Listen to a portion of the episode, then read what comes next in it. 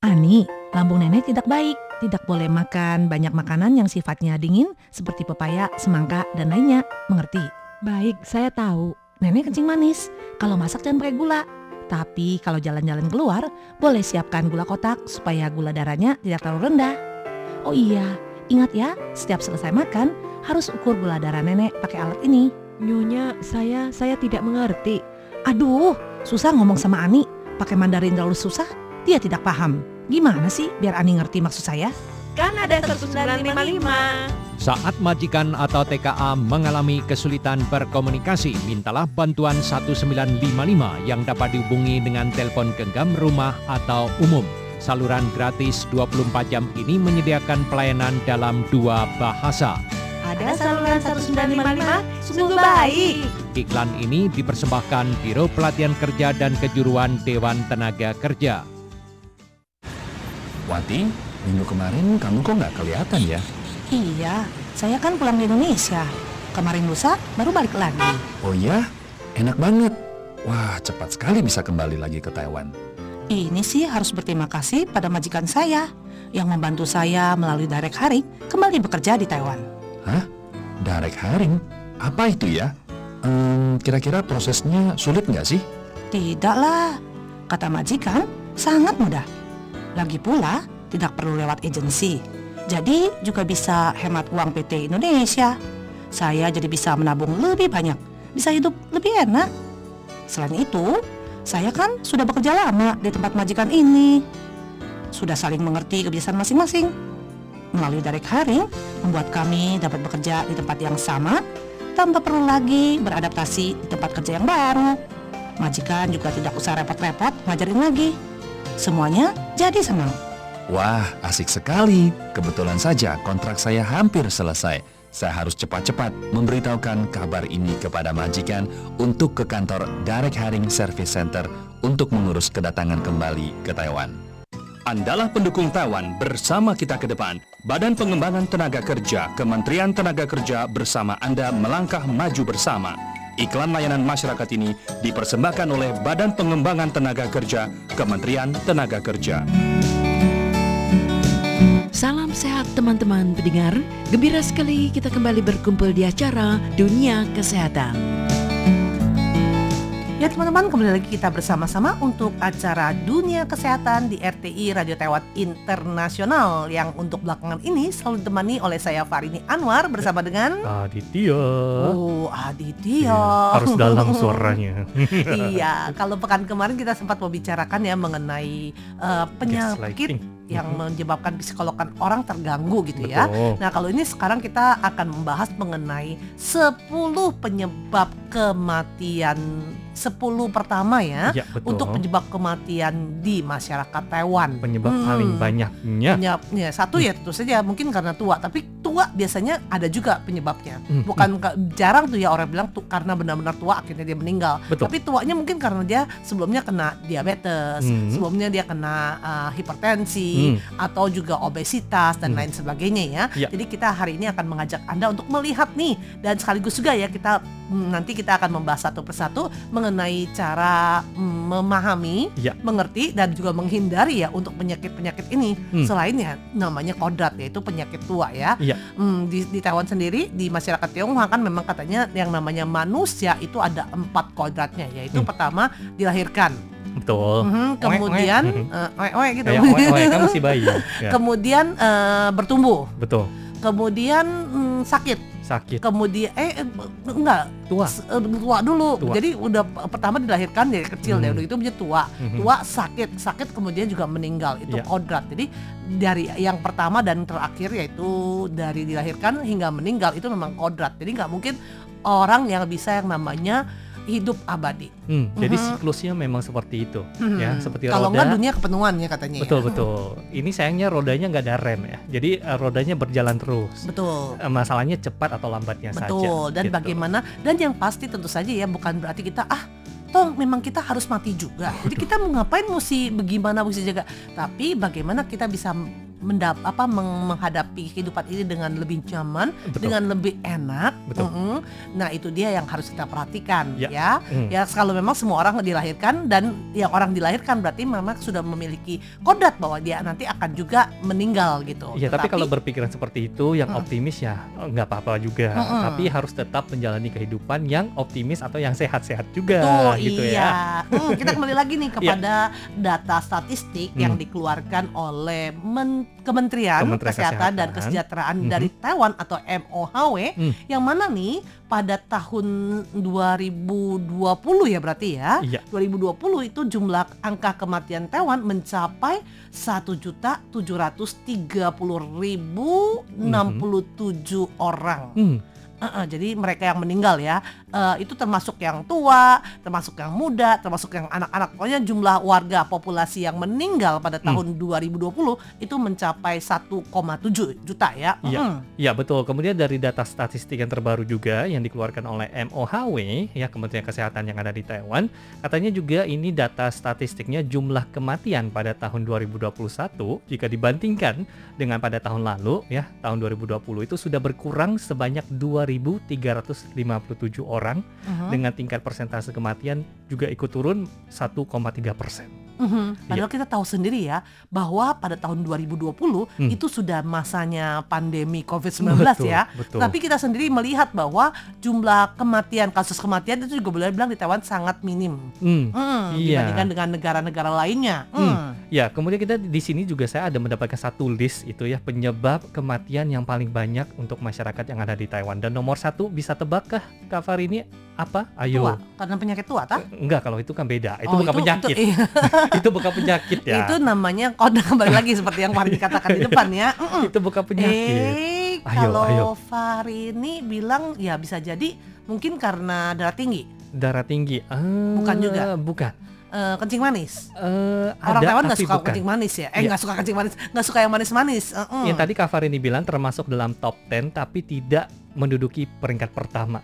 Yang peringkat pertama, Yang stres lagi. itu adalah apa? Kanker. Oh, tumor atau kanker Betul. ya. Eh, eh, wah, jadi ternyata ini kanker ini terlepas dari kanker bagian mana ya. Pokoknya yang termasuk kanker. Hmm. nah itu jadi menjadi penyebab utama kematian di Taiwan. Iya, ini Mm-mm. untuk yang tahun 2020 nih ya, Mhm. dengan jumlah kematian katanya dari kanker atau tumor sendiri itu mencapai 50.161 orang. Gitu loh. Kemudian jadi eh, dengan persentase itu misalkan untuk setiap 100.000 orang itu yang meninggalnya itu ada 212,7 orang gitu. Wah, cukup banyak ya Oh. Iya, berarti ya. iya. Mm-mm. Nah, sementara kalau dilihat dari usia ternyata untuk di enam usia mereka warga Taiwan yang meninggal Hmm. itu usianya di atas 65 tahun itu mencapai eh, 120 ribu 126 ribu sekian. Oke. Nah ini juga mengalami pengurangan. Jadi sebenarnya kalau dilihat dari usia Hmm. itu usia penduduk ya usia harapan hidup lah itu Mhm. penduduk itu semakin lama semakin meningkat. Mhm. Kalau dulu mungkin rata-rata sekitar 70-an, kemudian meningkat 75-an. Hmm. Betul. Sekarang sudah 80-an ya, Hmm. terutama untuk kaum perempuan nih. Hmm. Kaum perempuan kalau tidak salah untuk itu usia hidup usia harapan hidup mencapai 81 82 tahun. Hmm. Sementara pria itu 79 sekian. Hmm. Iya, kemudian ya kalau tadi yang nomor satu itu adalah penyakit tumor ataupun kanker, yang nomor duanya juga nggak kalah ini eh, parahnya ikutan, parahnya itu adalah penyakit jantung.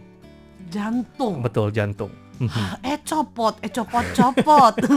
Iya, kemudian yang ketiga itu adalah radang paru-paru. Radang paru-paru. Betul. Eh sebenar sebenarnya ya di Mhm. Taiwan sendiri bukannya polusi udaranya itu lebih sedikit. Kenapa bisa kena pol- apa radang paru-paru ya? Nah, ini dia. Jadi Oh. masih bingung juga. Itu terkadang kenapa yang ah, yang namanya seperti radang paru-paru juga ada banyak jenisnya ini Kak Farini. Mhm. Ya, jadi misal kalau di eh, diperincikan gitu, wah kalau saya sih sebagai yang bukan ahli spesialis ya, Mhm. jadi agak susah untuk merincikannya ini Kak Farini ya. Iya tentu saja ya. Yang pasti tentu saja ini hanya berdasarkan data. Dan Hmm, bisa betul. jadi ya beberapa dari mereka yang meninggal eh, itu karena kasusnya komplikasi. Betul. Bisa jadi. Tapi mungkin yang lebih dominan ya mungkin seperti yang tadi dikatakan ke Adit yaitu yang Mhm. pertama adalah eh, kanker atau tumor, Iya. tumor ganas ya Mhm. yang menyebabkan banyak kematian. Karena yang Valini tahu ya untuk kanker ya kanker juga banyak banyak ininya, banyak jenisnya ya. Hmm. Nah, kanker usus itu juga boleh bilang cukup dominan nih untuk Iya. mereka yang menyebabkan sampai menyebabkan kematian di Hmm, Taiwan. hmm, Hmm. hmm. Kemudian juga di sini lanjutan nomor peringkat nomor 4 itu adalah penyakit saraf otak Mhm. ya atau pendarahan. Kemudian yang selanjutnya itu seperti diabetes, Mhm. termasuk juga kemudian di bawah diabetes itu adalah eh, meninggal karena kecelakaan ataupun luka. gitu. Hmm. Ya, kemudian selanjutnya itu adalah ini nih baru yang namanya darah tinggi. Oh, darah tinggi juga termasuk ya. Iya, Eh, jadi makanya jangan gak suka marah-marah ke Adit. Oh, gitu. Hmm, jadi Iya. orang mesti tenang aja. ya harus direndahkan Aha, tekanannya ya. aha. Kemudian juga jangan harus memperhatikan yang namanya asupan makan sehari-hari. Betul, jangan, Jangan ya. beranggapan wah ini kan nggak apa-apa sekali-kali deh, Hmm. tapi sekali-kali kemudian ada dua kali dua kali-kali dan itu tiga kali-kali dan seterusnya. Hmm. Ya kalau kayak gini akhirnya ya apalagi kita kita tahu sendiri tubuh manusia itu boleh bilang suatu yang hal yang luar biasa. Apabila apabila kita biasakan itu akan terbiasa dan akan ya itu kebiasaan baik maupun juga kebiasaan buruk. Betul. Misalnya kalau kebiasaan baik, misalnya kalau kita makannya biasanya agak tawar, Hmm. ya memang garam murah, tapi Ya. kalau garam kebanyakan itu boleh bilang suka kadang-kadang orang bilang eh, bisa suicong atau Iya. enggak eh, seci hen hencong. Iya. Dalam arti kayaknya badan kita kok kayaknya kesannya lembab dalam arti banyak tuh air-air yang tidak bisa di, di dikeluarkan. Keluar Mm-mm. gitu. Yang Iya. sebenarnya ya bisa jadi malah mengganggu untuk eh, kesehatan tubuh kita. Betul. Jadi selain yang penyakit-penyakit yang tadi seperti kita sebut, sebenarnya itu masih ada satu hal lagi yang bisa menyebabkan kematian yang cukup tinggi nih untuk masyarakat Taiwan, apalagi baru-baru ini. Oh ya, Iya. apa karena COVID-19? Betul, ada Mm-mm. hubungannya dengan COVID-19.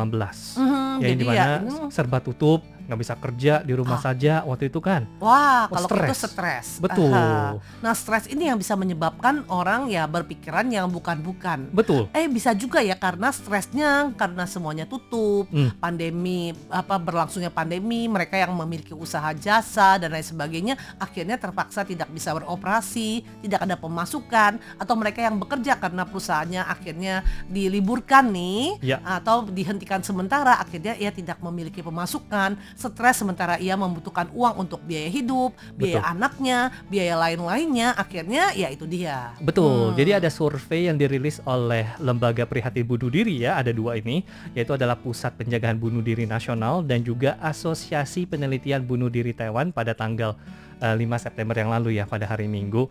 Jadi dari surveinya itu mengoleksi respons dari 2.219 warga yang berusia 15 tahun ke atas itu menemukan 45,4 persen responden mengungkapkan jika lonjakan kasus COVID-19 dalam satu bulan terakhir ya yang beberapa waktu yang lalu telah menimbulkan tekanan psikologis dan Hmm. 30,8 persen responden merasakan tekanan finansial betul juga Hmm. kemudian sisanya 29,8 persen responden itu mengatakan jika mereka merasa stres setiap harinya akibat pandemi COVID-19 Mhm. iya Dan dari data ini juga juga memperlihatkan ya, ternyata kalau dilihat dari usia selain usia tua karena penyakit yang tadi disebutkan ya Hmm. 10. Nah, sementara kalau untuk mereka yang masih muda di berusia antara 1 hingga 24 tahun, nah itu biasanya mereka kasus mm, kematian itu karena eh, kecelakaan atau karena juga se- terjadi sesuatu di rumah. Seperti ya mungkin kebakaran Hmm. atau mungkin juga jatuh Mhm. apa tidak hati-hati kecelakaan dan lain sebagainya.